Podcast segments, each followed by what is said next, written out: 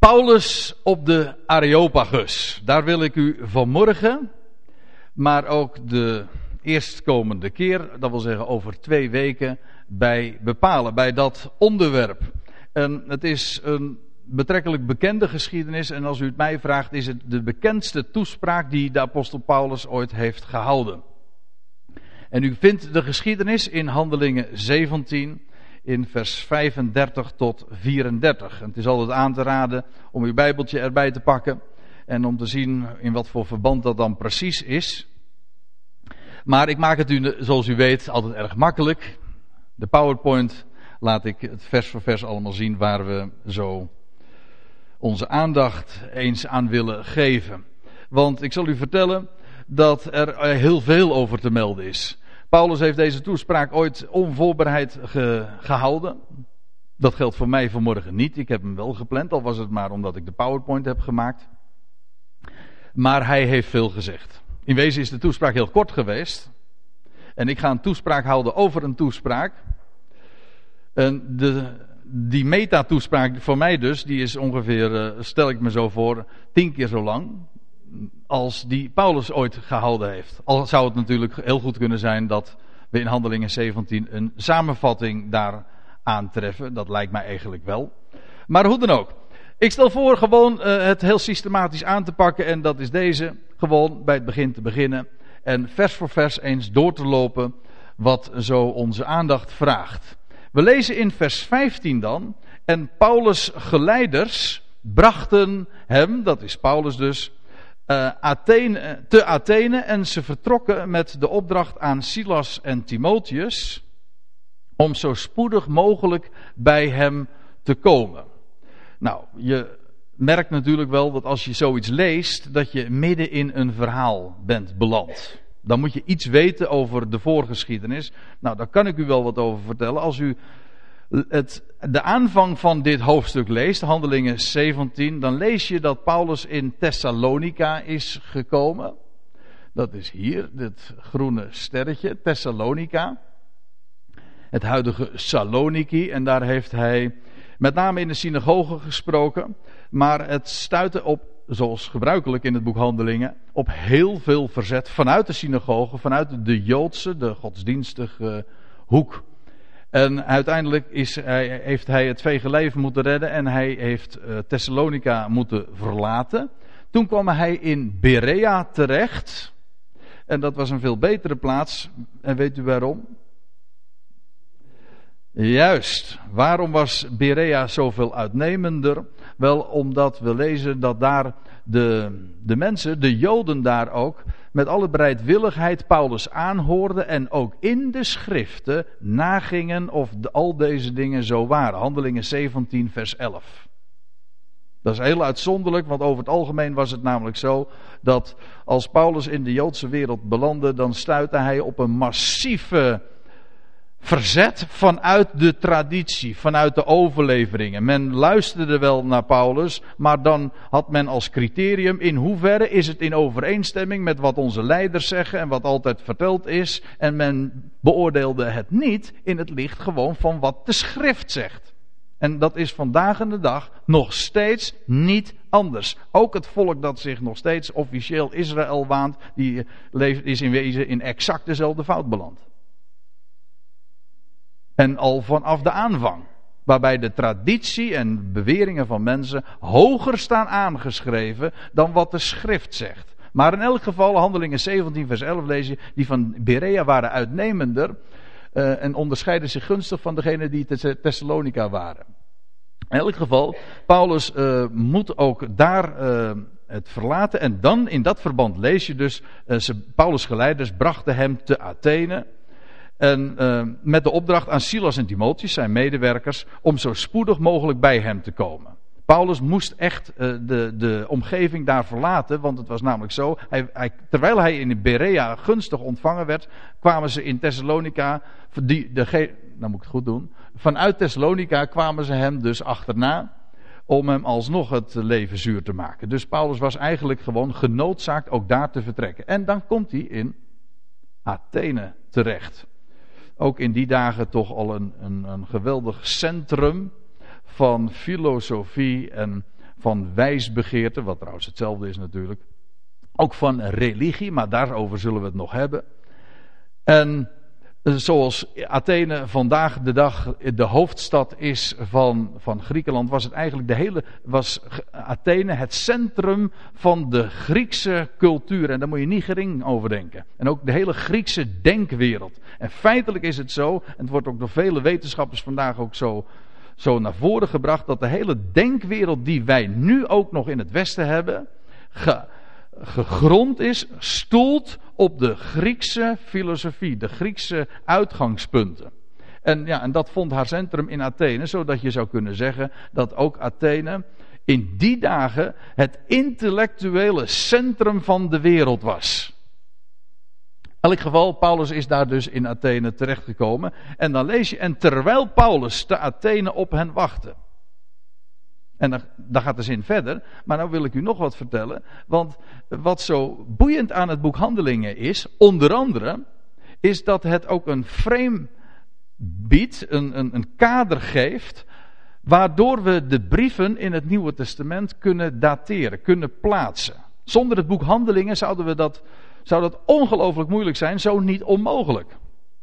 We kunnen de brieven, met name dan van de apostel Paulus, kunnen we veelal traceren en kunnen we zeggen van, oh, dat, die brief is toen en toen geschreven, want dat blijkt uit de inhoud van de, van, van de brief zelf. En wanneer we het vergelijken in het, in het hele geschiedenis kader zoals de boekhandelingen dat biedt, dan kunnen we het plaatsen. En dat is hier in Handelingen 17, vers 16, is een heel interessant voorbeeld daarvan. Want daar staat er dus, en terwijl Paulus te Athene op hen wachtte, dus Paulus is daar alleen in Athene, hij wachtte op zijn medewerkers Silas en Timotheus.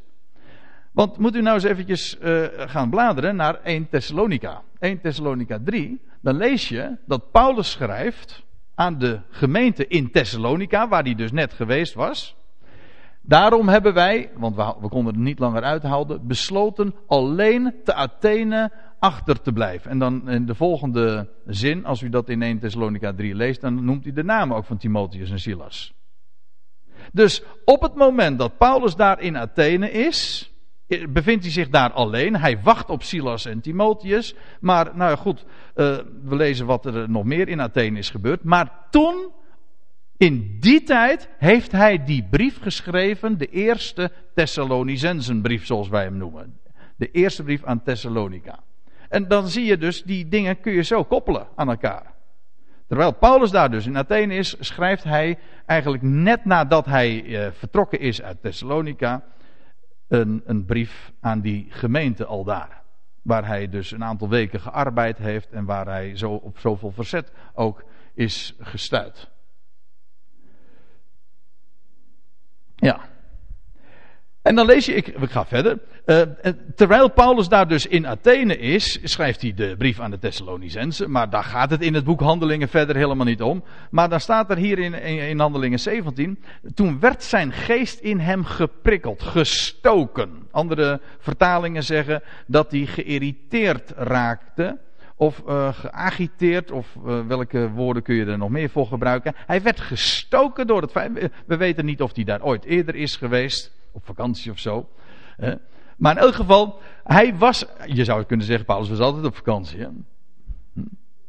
Ja, mensen, mensen gaan nu op vakantie, dan gaan ze, gaan ze in de voetsporen van Paulus, weet je wel. Maar wij doen het heel luxe over wat Paulus ooit barvoets, letterlijk, gedaan heeft. En die man die heeft zo gigantisch veel gereisd. Dat, is, dat wil je niet weten.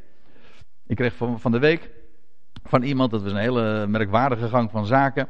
In vrijdagochtend stond er uh, iemand uh, voor de deur, iemand uit Scheveningen. En die zegt van, uh, ja je kent mij helemaal niet, maar ik volg jouw site heel erg nauwgezet mag ik wel zeggen. En ik, ik op, een, op een, een of andere markt kwam ik uh, deze kaart tegen. Een, ik dacht dat hij eerst met een, een of andere zonnescherm of zo kwam. Maar het was een, een, een landkaart. Hij zegt, uh, ik weet dat jij heel erg Paulus georiënteerd bent. Ik zeg, ja dat klopt. En... Wat een verdriet zeg. Ik wist niet dat het, de, dat het verhaal in deze fase al zo aandoenlijk was. Ja, die is er. Ja. Goed. Die, eh, die man die eh, belde dus eh, aan en, en hij stond daar met een grote landkaart en hij zegt, je bent erg, erg georiënteerd op de, op, op, op de apostel Paulus. Ik zei, ja, dat, dat kan je wel zeggen. En toen zei hij, Ehm, ik heb hier een, een, hele oude kaart. Het was echt een hele oude kaart met alle zendingsreizen van Paulus. En we hebben hem van de week nog eens eventjes uh, bewonderd. En het was prachtig dat ik dat zo. Hij zegt: Ik wil, ik wil hem gewoon geven. En, en toen ging hij weer weg. En uh, ja, ja. Ik ben hartstikke, hartstikke bedankt. Ik vond het eigenlijk zo, ik vond het zo mooi dat hij dat zo gaf en dat hij aan mij gedacht had. Ik weet even nog niet wat ik met die kaart moet, maar ik vond het zo prachtig dat ik dat kreeg. Ja, ik kan hem hier wel gaan ophangen, maar ik weet niet of ze daarbij To Be Home zo blij mee zijn. Maar die man die heeft zoveel gereisd. En goed, de, hij was daar in Athene. En laten we eventjes ter zake komen. Hij, zijn geest werd in hem geprikkeld toen hij zag dat de stad zo vol van afgodsbeelden was. In de concurrent version staat idols ridden. Vind ik wel mooi. Zo betekent zoiets als, ze waren gek, ze waren, um, ja hoe zeg je dat? Uh, de stad was vergeven van afgodsbeelden.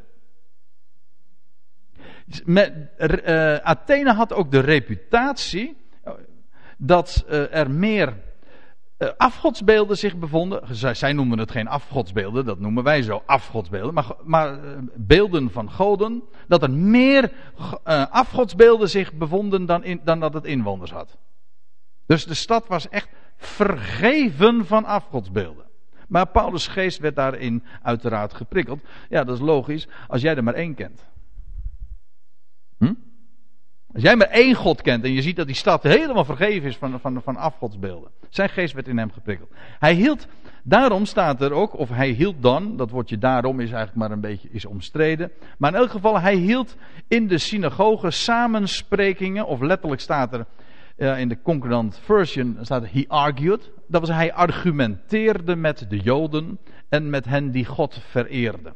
Ook daar ging Paulus, hij was daar in Athene, hij heeft daar de Joodse gemeenschap, zijn volksgenoten heeft hij opgezocht. En op de Sabbat ging hij naar de synagoge en Paulus heeft zijn verhaal gedaan. Paulus deed zijn mond, hield zijn mond niet dicht.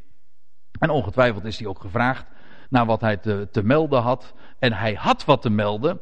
En dat roept verzet op en vandaar ook die samensprekingen. Een discussie was daar, vond daar plaats. U weet, als je in een, eh, als, als je in een gezelschap van Joden terechtkomt of in, eh, in een synagoge, zoals dat in een Jodenkerk, zoals dat dan een beetje spottend genoemd wordt, hè, dat, dat praat maar door elkaar heen en er wordt heftig met elkaar overlegd.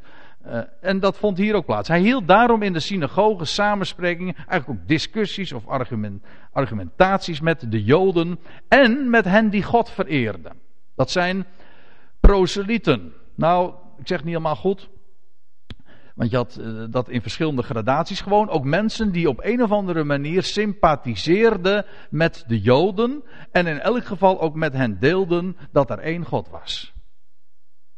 Die niet direct daarmee ook Joden werden, Jodengenoten, want dat is weer een ander woord. Het staat hier niet dat het Jodengenoten waren, maar in elk geval mensen die sympathiseerden en die onderkenden dat het volk Israël een uitverkoren volk was en zij hadden liefde voor dat volk.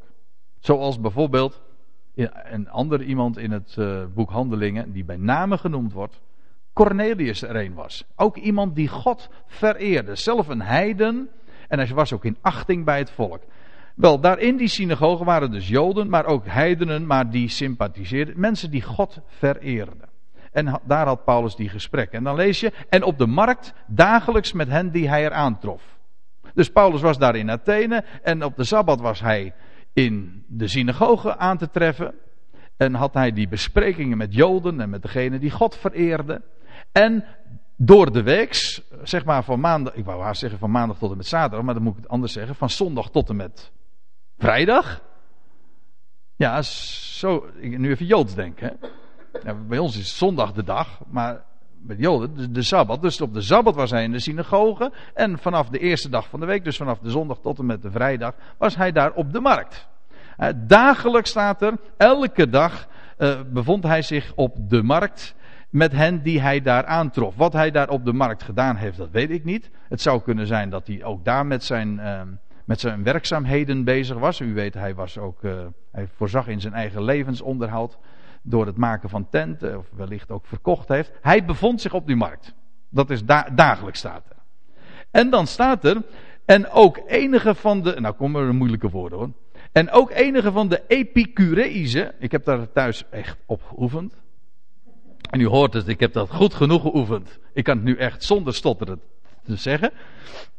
Ja, ja Epicureïsche en Stoïcijnse wijsgeren. En daar waren in, ik zei al, in Athene is, was het intellectuele centrum en, en er zijn, de, de, Griekse filosofie is beroemd. En, dat, en het kende vele scholen. En tot op de dag van vandaag is de school bijvoorbeeld van de Stoïcijnen nog een, een, een beroemde eigenlijk. Wij kennen zoveel, sowieso al uitdrukkingen met, met, met, met de Stoïcijnen. Ze, ik heb niet de echte indruk dat het een hele positieve klank tegenwoordig meer heeft. Iemand die een Stoïcijns gezicht heeft, die is nou niet direct innemend. Hè? Maar Stoïcijns heeft iets te maken met van eh, niet aangedaan door dat wat er gebeurt, maar uh, ja, ik, de eerste associatie die ik maak is uh, een soort van pokerface, zeg maar. Maar dat is niet wat die, wat die Stoïcijnen eigenlijk leren. Want laten we, het eventjes, laten we ons eventjes bezighouden. Die Epicurezen. Ik bedoel, Paulus wist donders goed met wie hij te maken had. Paulus wist met wat voor, wat voor scholen er waren. Dat blijkt ook wel als hij vervolgens straks van wal gaat steken en inderdaad gaat spreken over de, de ene God. Dan blijkt hij buitengewoon op de hoogte te zijn van, van die filosofische school. Wat er zo al gezegd werd. Paulus las de krant, bij wijze van spreken. Paulus kende het nieuws. Hij wist van de, van, van, de, van de opvattingen, de overtuigingen die er, die er waren. Zodat hij daar ook op kon aanhaken. Of inhaken. Goed, Epicu Epicurus. Epicurus. Dan zou je even een Theo moeten vragen hoe je het echt moet uitspreken. Epicures, dat schijnt ook nog weer omstreden te zijn. We noemen hem even voor het gemak Epicures van Samos. Samos is een heel mooi eilandje waar ik zelf ooit eens een keer geweest ben. Op de Egeïsche Zee. Maar Epicures was iemand die leefde van 341 tot 270 voor Christus. En hij was zo'n wijsgeer. En hij zei. U, uh, ik, ik, weet niet wat u daarbij denkt, maar ik moet glimlachen als ik het lees. zijn, zijn motto, het is misschien wel heel, erg simplistisch, uh, wel in, in een one-liner uh, teruggebracht. Maar het kwam dan toch in elk, elk geval hierop neer. Hij zei: geniet van het leven en wees tevreden met wat je hebt. En als u het mij vraagt, dan zeg ik: dat is een hele wijze uitspraak. Geniet van, van het leven. In wezen is dit ook uh, een, van de, een van de kernpunten van het boek Prediker. Waar, dat, waar je dat ook vindt. Inderdaad, geniet de dagen van, van, je leven, van je ijdele bestaan, dat maar, dat maar kort duurt. Maar dat wat God geeft, in die ijdele dagen, van eten en drinken en de vrouw die God je gegeven heeft, geniet daarvan. Geniet van het leven en ook wees tevreden met wat je hebt, want je kunt toch namelijk dingen niet veranderen. Het was dus niet, dat is hedonistisch, van, van alles eruit halen. Paulus, of die Epicurus, heb, zo heb ik begrepen, was niet iemand die zei van, ja, dus de hele dag moet je eh, niet anders doen dan drinken. Want dat is namelijk genot op korte termijn. Waarbij je dat letterlijk en figuurlijk alleen maar een kater oplevert. Op langere termijn kan je namelijk daardoor juist weer niet genieten. Hij zei wel, uh, voeg je bij dat wat, wat, wat je zo hebt in het leven. Wat je, ik wou zeggen ontvangt, maar dat is juist niet wat hij zei. Hij geniet van het leven hij en wees tevreden met wat je hebt. Maar ik moet er wel bij zeggen. Hoe wijs het ook was, uiteindelijk, doordat het niet het kader kende van één God, was het toch nog dwaasheid. De uitspraak zelf mag dan wijs zijn, maar losgekoppeld van God wordt het nog dwaasheid. Is, ik ben daar misschien wel erg zwart-wit in, maar dat is mijn zinziens de Bijbel ook. Het boek Spreuken, dat begint, en dat herhaalt het heel dikwijls, dat uh, de, de, de, de zin, het beginsel van wijsheid, dus daar begint wijsheid mee, het beginsel van wijsheid, dat is de vrezen des Heren. Dat wil zeggen het ontzag hebben voor die ene God. Dat, het erkennen dat er één is die alles een plaats geeft. Dat er één God is, dat, daar begint alles mee. Wel, Epicurus kende dat niet. Dus hij kende, hij, zei wel van ja, geniet van het leven, wees tevreden met wat je hebt, oké. Maar er was, hij kende niet een God die dat alles geeft. En dus niet het concept van dankbaarheid. Wel, je kan wel genieten, maar het is pas echt genot en ook werkelijk wijsheid wanneer je Hem ook erkent die het geeft. Zodat je dankbaar bent voor de dingen. Dat is een groot verschil tussen zomaar genieten en dankbaar zijn is dat je één erkent die het geeft. Nou, om eventjes op die andere nog terug te komen. Van de Stoïcijnen. Stoïcijnen, dat komt van het woord stoa. En stoa betekent een zuilengang. En daar was een Seno van Sitium. Die in uh, eh, 333 tot 262 voor Christus heeft geleefd. Daar in die zuilengang, daar in Athene, heeft hij zijn school, zijn filosofische school, gesticht. En zijn leer komt er feitelijk op neer dat. Uh, ook, ik heb het ook weer even teruggebracht in een, uh, in een one-liner. Wat gebeurt, dat moet gebeuren. Er bestaat niet zoiets als toeval. De dingen, niet omdat ze gepland zijn, maar uh, het is allemaal gedetermineerd. Het is allemaal. Er, bestaat eigenlijk ook niet zoiets als een vrije wil. Een, nee, dat zei hij ook. En de dingen zoals ze gebeuren, moeten gebeuren. Dat kan niet anders. En daarom zei hij: aanvaard de wisselingen van het lot. En vandaar ook dat wij dat die uitdrukking kennen van het stoïcijns ondergaan. Dat wil zeggen, uh, deze Seno van Sitium, die zei van uh, of, het nou, of het nou hoogtepunten zijn of dieptepunten in je leven. Het, de dingen zijn zoals ze zijn. Aanvaard dat nou. En uh, als, het zo, als het zo goed gaat, wees daar niet al te blij. En als het, en als het uh, heel slecht gaat, wees daar niet al te bedroefd. Gelijkmatigheid in het leven. Dus onaangedaan. Vandaar dus dat zijn ze aanvaardt de wisselingen van het lot. En in wezen is ook dit weer waar. In wezen is dit ook prediken. Aanvaar, wat gebeurt, dat moet gebeuren. En het, het, de, de wisselingen van het lot aan ondergaan. En dat te, te verdragen. Ja, maar ik moet er ook hier weer bij zeggen. Losgekoppeld. Losgekoppeld van het besef dat er een God is. Een, iemand is die alles plaatst, beschikt het wordt nog dwaasheid. Hoe wijs de uitspraak aan zich ook mag wezen. Maar het kader, de basis ontbreekt. Want wat Zeno namelijk niet wist, is. Uh, hij kende niet een God die alles onder controle heeft. En dus ook geen vrede. Het was meer van um, dat het fatalisme, zoals dat in de islam ook gekend wordt. De, de dingen die gebeuren, ja, het moet gebeuren. Dat kun je toch niet veranderen. Dus leg je er nou maar gewoon bij neer. Maar dat is wat anders dan vrede. Vrede heb je alleen, of kun je alleen hebben, wanneer je weet van, ja inderdaad, ik kan het niet veranderen. Ik heb het te ondergaan, maar er is iemand, al begrijp ik er niks van, er is iemand die mijn leven in de hand heeft, die de hele wereld in zijn hand heeft en die niets voor niets laat gebeuren. Kijk, en dan kun je, ook al gaat het ver boven je verstand uit, en dat, dat is in de praktijk altijd het geval. Want wat kunnen wij hè, hier uiteindelijk met die paar pond of paar ons. want ik ben te optimistisch. Die paar ons eh, grijze hersencel. Wat kunnen we daarmee mee bevatten? Uh, zo goed als niks. De, eigenlijk alles ontgaat ons. Op, op een klein beetje na. Hier kunnen we zo weinig mee. Maar als je beseft dat er één is die het allemaal onder controle heeft, die het alles een plaats geeft, dan kun je vrede hebben. En dat is wat deze Zeno niet had, wat trouwens in zijn leven ook wel is gebleken, want hij heeft uiteindelijk de hand aan zichzelf geslagen. Waarmee hij uiteindelijk dus uh, het zelf het, het toonbeeld werd van het failliet van zijn filosofie. Zijn opvolgers zullen dat anders hebben opgevat, maar in de wetenschap van wat we, waar we het vanmorgen over hebben, kan dat niet anders. Goed.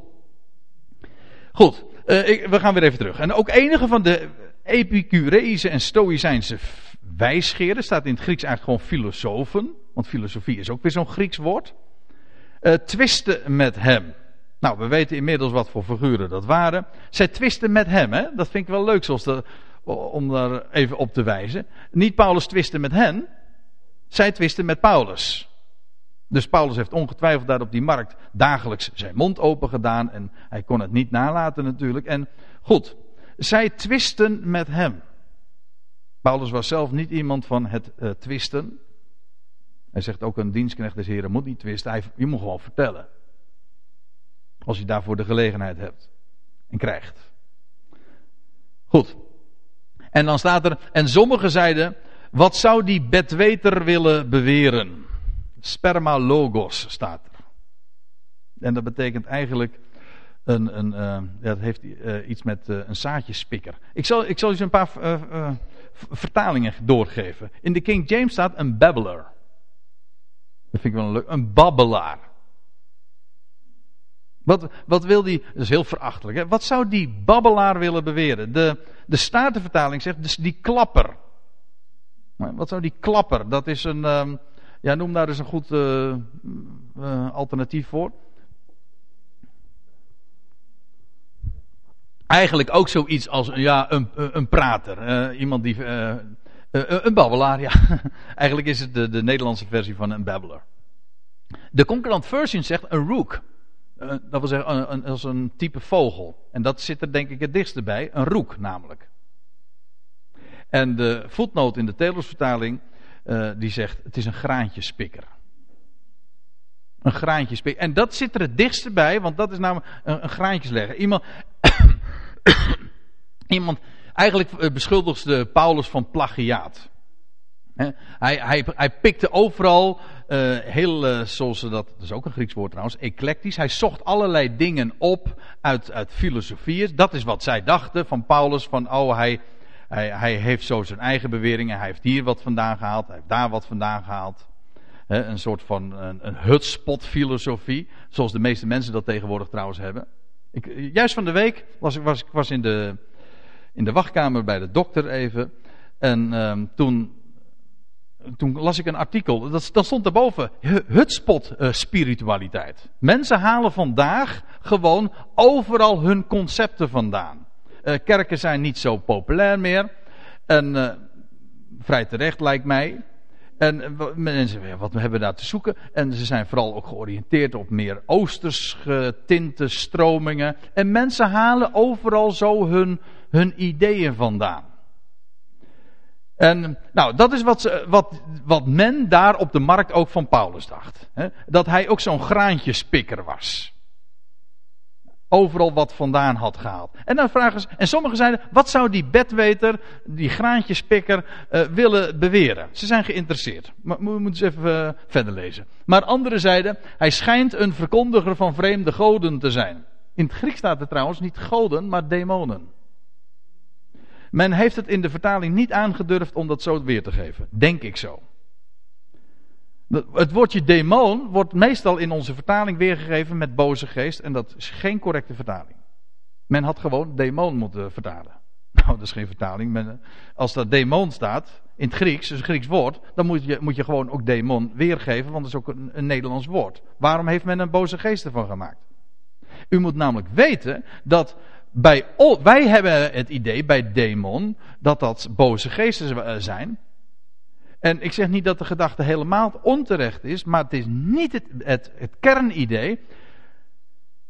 Als uh, deze, deze Grieken die, die vereerden demonen, dat zeiden zij zelf ook. Alleen zij dachten helemaal niet aan boze geesten. Het waren hun goden. Het was een bepaalde, het was, het was een type, uh, ja, ze hadden daar een hele filosofie, ook daar weer een hele filosofie over, mythologieën. En het was een bepaalde klasse van goden. Demonen.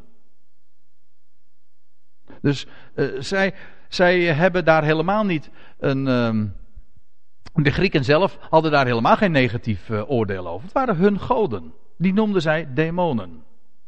Nou goed, zij zeggen dus, hij, uh, hij schijnt, ze hadden de klok wel horen luiden.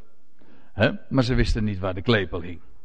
Uh, hij schijnt een verkondiger van vreemde demonen te zijn. Moet je eventjes begrijpen wat hun gedachtegang is. Want staat er, hij bracht het evangelie van Jezus en de opstanding. Dus zij hoorden hem praten over Jezus. Wat is dat weer voor een een of andere godheid? Een, een, een demon in hun taalgebruik.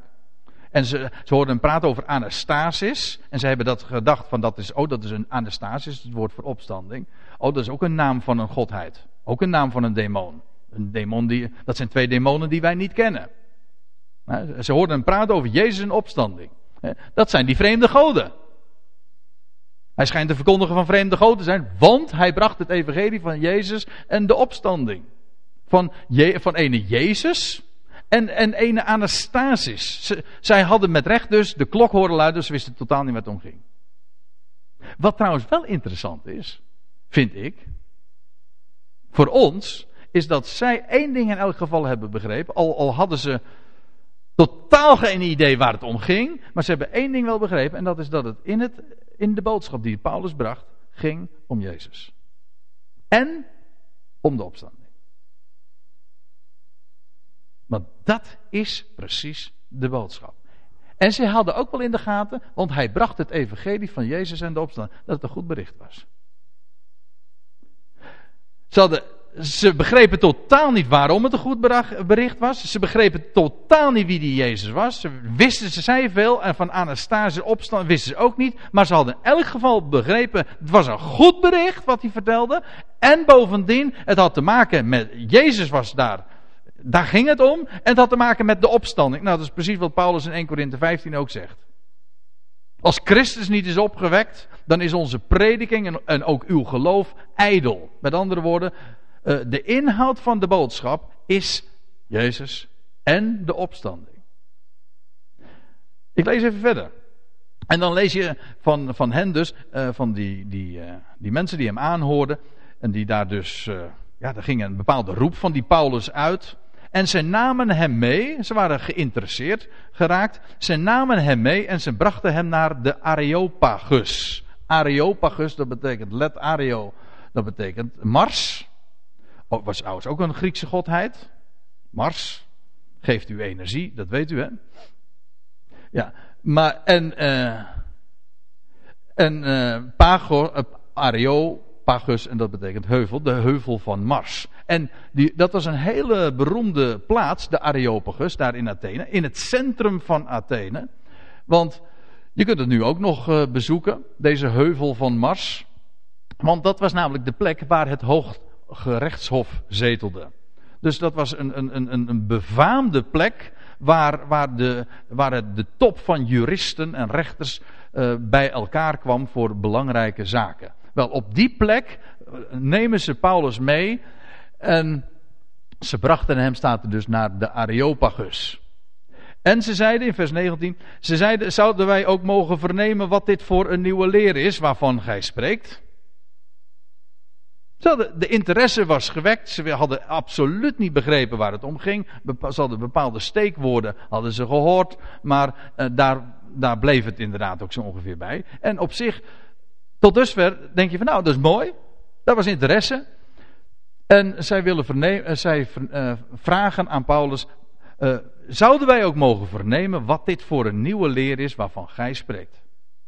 En dan ze onderbouwen dat, ze motiveren dat. Vers 20. Want gij brengt ons enige vreemde dingen ten gehore. Dat hoor, dat hoor, dat, zo gaat dat. Hè? Als, je, als je het goede bericht brengt, dan, dan krijg je van, van mensen te horen van... Je brengt toch wel vreemde dingen ten gehore. Uh, wij wensten dan wel te weten wat dit zeggen wil. Nou, het is al heel mooi als mensen inderdaad het lef hebben om dat te doen. In, in, in, Athene was dat trouwens niet zo'n probleem, want ik zal u dat uh, duidelijk maken. Want er staat in vers 21, vind ik een leuke uitspraak. Alle Atheners nu, let op dat alle. Alle Atheners nu, en de vreemdelingen die zich daar ophielden, hadden voor niets anders tijd over dan om iets nieuws te zeggen of te horen. Dat we, als er iets karakteristiek was voor die Atheners, dan was dat dus inderdaad, men was gefocust op nieuwe dingen. Te zeggen of dan wel te horen. In werkelijkheid staat het trouwens nog extremer. Want er staat eigenlijk dit in de, in de grondtekst. Iets nieuwers. Dus nieuw was nog niet nieuw genoeg. Dat, letterlijk staat het de overtreffende trap. Iets nieuwers. Men heeft het vertaald met nieuws. Maar het, het nieuwe was nog niet nieuw genoeg. Het moest altijd nieuwer zijn. En ze hadden voor niets anders tijd dan juist voor dat. Ik lees verder. Vers 22. En Paulus voor de Areopagus staande, dat voor staat er niet. Dat, dat, dan krijg je een beetje het idee van een, een rechtszitting, alsof hij voor dat gerechtscentrum uh, uh, stond. Maar er staat letterlijk in het midden. Ik meen, als ik me niet vergis, in de Statenvertaling wordt dat ook zo vertaald. Hè? In het midden, Paulus in het midden van de Areopagus staande zijde, en dan gaat hij en dan gaat hij van wal steken. Paulus heeft, ik zei al, deze toespraak helemaal niet eh, kunnen voorbereiden. Maar hij wordt dus ter verantwoording geroepen.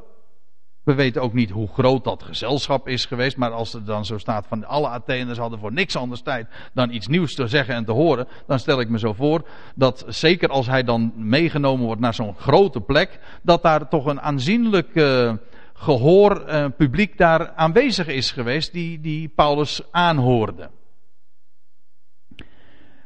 En dan in het midden van die Areopagus uh, staande, dan, dan neemt hij het woord en hij zegt: Mannen van Athene, mannen letterlijk, Atheners. En mannen, staat het woordje Andres. Dat moet ik, dat kan niet nalaten, André, hè? dan moeten we toch even zeggen. Andres, ja, betekent, betekent dat, dat is het woord, het Griekse woord voor mannen. Ja. Wat zit je nou te lachen, Huip? Ja, er worden wel eens grapjes over gemaakt. Ja. Eh, vroeger ooit, eh, even terzijde, eh, er kwam een predikant bij ons over de vloer. Ik was een ventje van een jaar of 10, 11. En die man die was heel erg op het Grieks gefocust. hij doseerde ook Griekse taal en Latijns en zo, dominee prinsen. Nou, Mathilde, jij weet dat. En, en die kwam nu, kwam die bij ons. Hij kwam heel regelmatig bij ons over de vloer. En de eerste keer dat ik hem ontmoette, ik stelde mezelf voor aan hem. En hij had zo'n sigaar in zijn mond. En toen zei hij, het was een beetje een, een verstrooide professor, een type. En toen, nou, ik, ik noemde mijn naam. Ik zeg André. Ah, André. Dat komt van het Griekse Andreios. Ik, zoiets zei hij. En dat betekent, weet je wat dat betekent? Dat betekent mannelijk, sterk, dapper. Nou, ik groeide helemaal natuurlijk, hè. Ja. André. Dus ik ben, zo, ik ben mijn ouders zo dankbaar voor het feit dat ze mij ooit André hebben genoemd. Ja. Andreas en ik ben getrouwd met Peter, en ik ben getrouwd met Petrus. Hè? Wat wil je nog meer? Ja. En weet de Piet, en dat komt ook weer van Petrus, dus uh, het, het, houdt, het, het houdt niet op. Goed. Mannen van Athene, ik zie, ik zie voor mijn ogen ja, hij, hij, hij, keek om zich heen. Ik zie voor mijn ogen dat gij in elk opzicht buitengewoon ontzag voor godheden hebt. Moet je, je moet wel goed lezen trouwens, want je zou het haast. Ik ben geneigd om het met een, met een spatie tussen God en heden te lezen. En dan wordt het, dan zou, dan wordt het ineens ook voor ons heel positief. Dat gij dus buitengewoon ontzag voor God heden vandaag heeft. Maar, maar dat staat er dus niet, hè? Nee, hij zegt, ik, ik zie voor mijn ogen dat gij buitengewoon ontzag voor godheden, voor, al, voor vele goden heeft. Dit was een compliment aan hen. Dus ik zeg het niet helemaal correct, maar dat is zo mooi zoals Paulus het benadert. Zij hebben dat opgevat als een compliment. Paulus bedoelde dat helemaal niet zo, maar hij haakt wel aan daarmee. Bij hun, bij hen, sorry. Want ik zei al, uh, dat Athene had de reputatie meer afgodsbeelden te hebben dan inwoners. Maar Paulus zag dat ook en, en hij, hij, hij zegt, hij, meldt dat ook. En hij had natuurlijk meteen in wezen uh, kunnen, kunnen zeggen van dit deugt allemaal niet. Als hij een type à la uh, schreeuw voor leven was geweest, had hij natuurlijk ongetwijfeld uh, foldertjes uitgedeeld. Hè? Ja, sorry, ik weet niet of ik dat nou weer mag zeggen. Hè? Van, uh, van die uh, oude EO-voorzitter. En dan, dan ageren tegen de toestanden van die afgoderij. Zo had hij het namelijk ook kunnen aanpakken. Dit is afgoderij en waar zijn jullie mee bezig? Nee, Paulus zegt, ik zie, ik zie voor mijn ogen dat gij buitengewoon veel ontzag hebt voor godheden. Voor godheden hebt. Ja. Hij complimenteert hen daarmee. Hij haakt aan bij hun leefwereld. Wisten zij veel? Ja, inderdaad, zij wisten niet veel. Dat zal nog wel blijken. Want dan staat er in vers 23: Want toen ik door uw stad liep en de voorwerpen van uw verering aanschouwde, toen heb ik ook een altaar gevonden. Nou, dan moet ik even stoppen. Daar wil ik u graag even op wijzen. Want dat woord altaar, wat in onze vertalingen staat, dat staat is niet een correcte weergave van wat er in het origineel te lezen is. Weet u waarom? Het woord, voor het woord altaar komt in het Nieuwe Testament heel dikwijls uh, voor. Ik, ik meen uh, eh, 24 keer. En wordt altijd weergegeven, het is een speciaal Grieks woord, wordt vertaald met altaar. Dat is het namelijk ook. Maar hier staat een ander woord. Hier staat het woordje bomon. En dat betekent letterlijk een voetstuk. Dat is, dat is absoluut niet een altaar, maar het is een voetstuk. Gewoon een, een sokkel. Gewoon een, iets als, als dit. Hij kwam een voetstuk tegen uh, met een inscriptie. Want, laten we even verder lezen, want dan wordt het namelijk ook heel erg logisch waarom het alleen een, voetstuk was. Want wat lees je? Uh, het was, hij, hij zegt, kwam dus eh, heb ik ook een altaar, nee, heb ik een voetstuk gevonden met het opschrift, met de inscriptie aan de onbekende God. En dan begrijp je ook waarom het alleen een voetstuk was. Moet, u moet even een voorstelling maken van hoe dat geweest is. Die stad is was vergeven van afgodsbeelden, allemaal met namen. En uit angst een naam vergeten te zijn, een God vergeten te zijn, heeft men daar een voetstuk gezet, een leeg voetstuk, want ja, een, een God die je niet kent kun je ook niet afbeelden. Dus heeft men daar gewoon een voetstuk neergezet met een inscriptie aan de onbekende God. Dus overal uh, vond je daar afgodsbeelden die op uh, ook op een voetstuk stonden. Maar hier stond een leeg voetstuk met de inscriptie aan de onbekende God. Daar kunnen we verder niks mee. Dus geen altaar. Nee, het was een voetstuk. Met een inscriptie aan de onbekende God. Mochten we een God vergeten zijn? Nou, dat lijkt me toch al uh, stug, hè? Als, als, je, als de stad zo vergeven was van zoveel goden, dan nog, als we er een vergeten zijn, dan is, dan is dit gewijd aan de onbekende God. De unknown God. En hier staat in het Grieks trouwens een woordje, ja, ja, maar om een ander woord, dat onweet, de, de, de, de onbekende, daar komt ons woordje agnost vandaan. On, ons woord agnost, dat komt, is ook een Grieks woord. En dat betekent onbekend met, niet wetend. Een, een, agno, een agnost, het agnosticisme is ook een, een, ook een filosofische school die zegt, die zegt van wij weten niet. Wij kunnen ook niet alleen maar van wij weten niet, wij kunnen ook principieel niet weten. Wij staan op het standpunt, wij weten niet wat, er, wat er is. Uh, wat er achter deze wereld schuil gaat en wat, wat het motief en het waarom en het, het, de oorsprong en de bestemming. We weten het niet. Agnostisch. We zijn onbekend met. Wel, daar stond dus een voetstuk met, met die inscriptie aan de onbekende God. Nou, en dan zegt Paulus, hij had kunnen zeggen, dat is ook afgoderij. Maar hij haakt aan. En ik denk dat dat een enorm, alleen dat al, een hele belangrijke les is. Ook voor ons. Ik bedoel, wij leven eigenlijk ook in zo'n uh, een wereld die, ja, nou voorheen was een land als Nederland en het Westen in het algemeen christelijk, of wat daarvoor doorgaat. Maar we leven zo langzamerhand ook in, in, een, in een nachristelijke wereld, waar ook allerhande filosofieën opgang doen, waar het, eh, het, christendom er nog één is. Eigenlijk een museumstuk is het geworden, weet je, iets uit vroeger tijden, waar we nog wat nare herinneringen aan hebben. Nou ja, en, uh, en we hebben nog wat vrije dagen aan overgehouden, zeg maar elk jaar.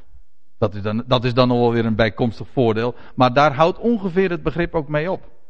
Maar we leven ook in een, in een wereld waar die ook vergeven is van concepten en inzichten. Nou, dat was Athene ook. En Paulus heeft daar niet tegen gefulmineerd. En hij heeft niet gezegd van ja, dat is een afgod. Nee, hij heeft gezegd, de jullie hebben gezegd van die God. Uh, de, aan de onbekende God. Nou, die God, die kom ik jullie vertellen. Die kom ik jullie prediken. Daar, daar wil ik jullie graag over vertellen. Die, over die onbekende God. Ik heb dat ook wel eens een keer als, als, als mensen praten over, over Allah en over, over de islam. En bij mensen zeggen, ja, de Allah, dat is, dat is de, de, de God van de islam. En uh, dat heeft niks te maken met, met de God die wij kennen. En ik begrijp wel wat het, uit, wat het, wat het idee daarachter is. En toch, ik, uh, het is niet erg handig om zo met moslims om te gaan. Dat kan ik u wel vertellen. Tegenwoordig heb ik er uh, dagelijks mee te maken, omdat ik ze cursus mag geven. Maar dan moet je, dan is mijn insteek veel meer die van Paulus hier in Handelingen 17. Dat vind ik namelijk zo wijs. Allah is namelijk gewoon het Arabische woord voor God. En Arabische gelovigen hebben het ook over Allah. Als ik hier nu Arabisch zou spreken, ik kan het niet zo goed, maar als ik nu Arabisch zou spreken dan, en ik zou het over God hebben, dan zou ik het over Allah hebben. Want dat is namelijk gewoon het Arabische woord voor God. Het is zo, ik vind het een miskleun om te zeggen van ja, Allah dat is de God van de islam en dat is een afgod. Want daarmee vervreemd je van, ook van deze mensen. Het is A niet juist en B vervreemd je van hen. Goed, Paulus uh, sluit aan. Hij zegt, wat gij dan zonder het te kennen. Jullie zeggen het zelf. Jullie kennen het niet aan de onbekende God. Wat jullie dan zonder te kennen vereren, dat verkondig ik u. De God. Zo mooi, zoals hij dat dan zegt. Hè? De God. Er staat een, een bepaald lidwoord voor. Niet een God, die hebben jullie. Vele goden. Maar de God. Eigenlijk is dat de essentie van deze boodschap. Van, van, van wat Paulus daar op de Areopagus, gaat vertellen. Tegenover die veelheid van goden zet Paulus één God. Dat is de basis van alles. Eén God, dat is maar geen kwantitatief verschil. Zo van, nou ja, de een heeft er uh, miljoen, miljoen goden. De ander heeft er honderdduizend, de ander heeft er tien. En weer anderen hebben er vijf. En nou ja, en de monotheïsten hebben er één. Alsof dat een kwantitatief verschil is. Nee, het is een principieel verschil. Een kwalitatief verschil. Weet u wat het verschil is? Eén God kan werkelijk God zijn. Twee of meer, het maakt dan niet meer uit of het er twee of twee, 20 miljard zijn. Maar ook bij twee goden is een God al geen God meer. Want dan moet hij namelijk zijn macht delen. Maar dan is het geen God meer. Dus je hebt of één God, of je hebt helemaal geen God. Dat is, de, dat is eigenlijk de essentie. Er bestaat of één God, maar die beschikt dus alles. Of je hebt er, er meerdere, twee of tot in het oneindige. Maar dan heb je helemaal geen God meer, want dan die moeten hun, die moeten hun macht, hun, hun territorium verdelen. En dat is wat er eh, algemeen bekend is. In, de, in alle mythologie, dat dan krijg je een conflict namelijk. Daar, daar, gaat die God over en die gaat, daar gaat die God over. Maar Paulus brengt de ene God. Dat is de basis van alles. Eén God. Ik kan, ik kan het u ook al vertellen hoor. Paulus zegt in 1 Korinthe 8, vers 6. Ik zou vele voorbeelden kunnen geven. Uh, Paulus zegt: Voor ons nogthans is er maar één God. De Vader. Uit wie alle dingen zijn. En één Heer Jezus Christus. Door wie alle dingen zijn. Het beeld van de onzienlijke God. En dat is ook in het christendom is, als u het mij vraagt, de grootste miskleun. Ook de gevaarlijkste miskleun. En, dat en, en moslims en joden, die zullen het beamen wat ik nu zeg. Op, in die zin ben ik dus, sta ik veel meer aan, hen, aan hun kant dan aan die, aan die van, binnen de christelijke wereld. Want wat zij zeggen, de, het christendom heeft heel subtiel het concept van de ene God ingeruild voor meer godendom. Of subtiel, want ze bespreken nog steeds over één God, maar ze noemen het de drie-eenheid. Ja, dan zeggen ze, ja, we hebben wel één God, maar het zijn er eigenlijk drie. En niemand begrijpt er wat van. Vraag aan iemand, al is het de paus, dan nog zal hij zeggen, dan zal hij gaan stamelen, want hij begrijpt er helemaal niks van. Ze hebben een begrip hebben ze geïntroduceerd en niemand heeft enig idee wat het betekent. Heeft ooit iemand u kunnen uitleggen? Wees eerlijk. Heeft ooit iemand u kunnen uitleggen wat dat, dat er één wezen is en drie personen? Wat het verschil tussen een wezen en een persoon?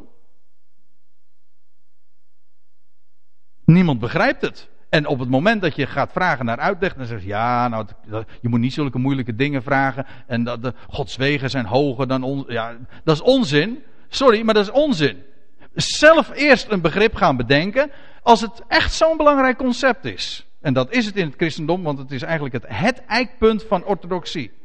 Maar men, is, men heeft zelf een begrip bedacht. En als je, en als je het onder de onder kritiek stelt en zegt van, lever de bonnetjes, waar staat het in de schrift? Dan zeg je, ja, dat is moeilijk, dat kunnen we niet begrijpen en het is door, eh, door eeuwen strijd is, zijn we tot deze, tot deze conclusie gekomen en daar moeten we zuinig op zijn en daar mag je nooit aan komen.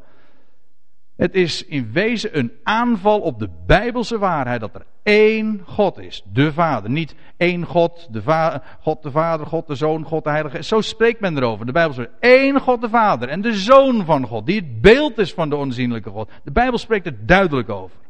Eén God, de Vader. Uh, eh, 1 Timotheus 1. Er staat, er zegt Paulus, de koning der Ionen, de onvergankelijke, de onzienlijke, de enige God. Weet u wat er in het Grieks staat? Dit. Zo heeft Paulus het geschreven. Dit, dit zijn de woorden. U ziet het, u herkent het nog. De monotheo. Ons woordje monotheïsme komt daar direct vandaan. Eén, de enige God. The only God. De enige God, zij eer en heerlijkheid. En weet u wat de Heer Jezus zei in, Johannes, of in Marcus 12 toen hij in gesprek was met een schriftgeleerde? Toen kreeg hij een vraag van, wat is het belangrijkste? Wat is, waar gaat het nou eigenlijk over in de Tenach? Dus de vraag die de Heer Jezus kreeg, en hij gaf antwoord en, en dan zegt de Heer Jezus dit. Het eerste is dit. Dus wat is nou de, waar, wat is het uitgangspunt van de hele Bijbelse boodschap? Dat is dit. Het eerste is, hoor Israël, de Heere onze God, de Heere is één. En gij zult de Heere uw God liefhebben met geheel uw hart. Nou, en wat verder volgt. Maar hij begint te zeggen met het eerste is, de Heere onze God is één. En als een Jood opstaat, s'morgens, dan zal hij het eerste dit zeggen. Het Shema. Hoor, Shema betekent hoor Israël, de Heer is onze God, de Heer is één. Ik heb het ooit in het Hebreeuws ook eh, geleerd te zeggen. En, uh, en het, het, is, het, is, de uitspraak die staat aan de, uh, in de poort. Hè? En het, uh, als, als de door, deur doorgaan, dan gaan ze de Mesusa kussen. Omdat daar die woorden staan, de Heer onze God is één. Daar gaat daar, daar, daar, daar wordt, dat is het eerste wat een, een Jood leert. Dat is en precies ook wat de schrift heeft gezegd. En, en waar, waar een mens, waar een Jood ook mee doodgaat. Met deze beleidenis op de lippen. Er is één God. En dat is zo machtig. Dat is één God, dus één is die alles beschikt. Bij wie nooit dus ook iets mis kan gaan. Want als je er twee hebt, die kan, die kan, een, die kan in wezen verstoren dat wat de, wat de ander plant. Nee, er is één God. Er is dus geen conflict. Er is geen strijd. Er is één iemand die dat alles heeft gemaakt. En bedacht en in handen heeft. Ja, nou, uh, ik lees even verder. Dat, dat Paulus dus zegt, uh, die ene God, de God, zegt hij dan. De God, de ene namelijk, die de wereld, de kosmos staat er in het Grieks, de kosmos gemaakt heeft en al wat daarin is. Hij heeft, ja met recht de kosmos. En ik heb een plaatje over, dat is een mooi voorbeeld van kosmos, van orde, want dat is wat kosmos eigenlijk ook betekent. De, de wereld is een geordend geheel. Hij heeft die wereld gemaakt. En dat betekent dat, we, dat de wereld niet er toevallig is, niet volgens bepaalde mechanische processen in elkaar zit en alles. En, zonder dat er enig doel is, of uh, tot stand is gekomen door een oerknal, en uiteindelijk dan dit alles heeft opgelegd. Nee, de wereld is bedacht. De God. Er is namelijk een God die werkelijk God is. En die heeft een bedoeling met alles en met iedereen. En als je dat weet, dan kun je, dan kun je vrede, maar dan kun je ook al in essentie de God die van deze wereld houdt. Want als, als, er nou, als je daarover nadenkt. Het is zo waar, hè, wat, wat er in de Bijbel zegt. Het beginsel, van wijsheid is de vrezen des Heren. Begin je namelijk met het besef dat er een God is. En elk mens, Paulus zegt dat in Romeinen, elk mens weet gewoon dat er een God is. Maar begin je daarmee hem als God te vereren. Dan zul je ontdekken dat hij liefde moet zijn. Dan gaat er nooit. Kan, als er maar één God is, dan kan er dus ook niks misgaan. Maar het betekent ook dat, dat, er, dat we bedoeld zijn. Dat hij ons bedacht heeft. Dat er niets buiten zijn aandacht gaat. Dat er dus ook nooit iets gebeurt dat hij niet onder controle zou hebben. Dat we het niet vatten, dat geef ik grif toe. Nou en, denk ik dan, wat, wat, wat, stellen, we ons, wat stellen we ons voor van onszelf? hij is God. En hij heeft, hij, is de, hij heeft ons gemaakt. En we zijn werk van zijn handen. En omdat we werk van zijn handen zijn, zal hij het niet laten varen. En omdat hij het niet laat varen, ben je dus verzekerd van een goede uitkomst. Kijk, dat is redeneren. Dat is, dit is ook redeneren, maar dit is met, redeneren met het goede uitgangspunt. Paulus zegt in Romeinen 1, omdat zij God niet als God hebben vereerd en gedankt, zijn hun redeneringen op niets uitgelopen en is het duister geworden in hun onverstandig hart. Romeinen 1, vers 21. Ik kan het echt aanbevelen om hem uit uw hoofd te leren omdat ze God niet als God hebben vereerd, zijn hun redeneringen op niets uitgelopen. Het komt erop neer dat als je God wel als God vereert en dankt, dan lopen je redeneringen niet op niks uit. De grap is wel weer, die redeneringen heb je niet nodig, want de schrift geeft het namelijk zelf allemaal aan ook. Maar dat is die ene God. En dan lees ik nog even verder. Um, een, een, de God die de wereld gemaakt heeft en alles wat daarin is, die een Heer is van hemel en aarde, hij woont niet in tempels met handen gemaakt. Ook in de, staat in de tegenwoordige tijd. Want in de, de, ook in de tempel van Jeruzalem, daar woonde de Heer niet. Daar was de Shechina niet meer in. De, de, de heerlijkheid des Heren. Trouwens, wat had uh, Salomo ooit bij de inwijding van de tempel gezegd? Een prachtig gebed heeft hij daar uitgesproken. En u kunt het lezen in 2, 1 Koningen 8. Maar dan zegt Salomo: Zou God dan werkelijk op aarde wonen? Zie de hemel, zelfs de hemel, hè? Dat onmetelijk heelal. Hè? Zelfs de hemel, ja de hemel der hemelen kan u niet bevatten. Hoeveel te min dit huis dat ik gebouwd heb. En dan eigenlijk, uh, Paulus citeert de schrift niet. Dat doet hij. Hij, hij, niet ene keer haalt hij uh, de schriften aan voor dat publiek. Hij beroept zich niet op de tenacht. Dat zou ook heel weinig zin hebben, want dat was voor hen helemaal niet gezaghebbend. Weet u wat hij wel doet? Hij citeert hun eigen dichters. Maar wat hij doet, zonder zich te beroepen op de Bijbel, op de, in dit geval het Oude Testament, de Tenach, is, is, zijn, is, is die hele toespraak uh, zit boordevol met dat wat de, de Tenach inderdaad zegt. Als, hij, als Paulus zegt hiervan, uh, hij is een heer van de hemel en aarde, hij woont niet in tempels met handen gemaakt, dan beroept hij zich niet op wat Salomo ooit gezegd heeft, maar het is wel exact hetzelfde. Namelijk, hoe zou de grote God die alles gemaakt hebben, hoe zou hij nou, hoe, hoe zou je hem nou kunnen vangen in, in een huis? Dat is toch onmogelijk? En als er al zoiets is als een, het huis van God, dan is dat uiteindelijk toch niks anders dan een type van onderwijs. Ja, dat wel. Maar het is natuurlijk van van de gekken om het, het, idee dat de God die hemel en aarde gemaakt heeft, alsof je hem in, in, in een boxer zou kunnen stoppen, in een, in een doosje, in een huis. En hij laat zich ook niet door mensenhanden dienen, staat er dan nog, alsof hij nog iets nodig had. Hij laat zich niet door mensenhanden dienen. Weet het, weet wat het Griekse woord is? Dat is dit. Dat kennen we ook. Ik heb nou vanmorgen zoveel Griekse woorden al genoemd. Therapeio. Ons woord therapie. Hij laat zich niet bedienen. Hij, laat, hij hoeft geen therapie te ondergaan. Moet, moet je ook even tegen de achtergrond van die Atheense wereld zien. Want u moet. Uh, ja, daar, waren allemaal, daar stonden beelden. Uh, er wordt zo vaak in het Oude Testament ook de draak meegestoken. Met, met mensen die dan een beeld maken en dan valt die kop er weer vanaf. Weet je wel, dan moet die geleid. Ja, dat, kent u dat niet? Die geschiedenis van Dagon. Valt die kop eraf, moet die weer, moet die weer uh, gerepareerd, moet die herstellen eerst natuurlijk, even revalideren. dat soort dingen. Ja, dat is belachelijk. Hij zegt, denk je dat nou werkelijk? Hij laat zich niet door mensenhanden dienen hè, of uh, verwarmen, of hoe zeg je dat? Uh, alsof hij hulpbehoevend zou zijn.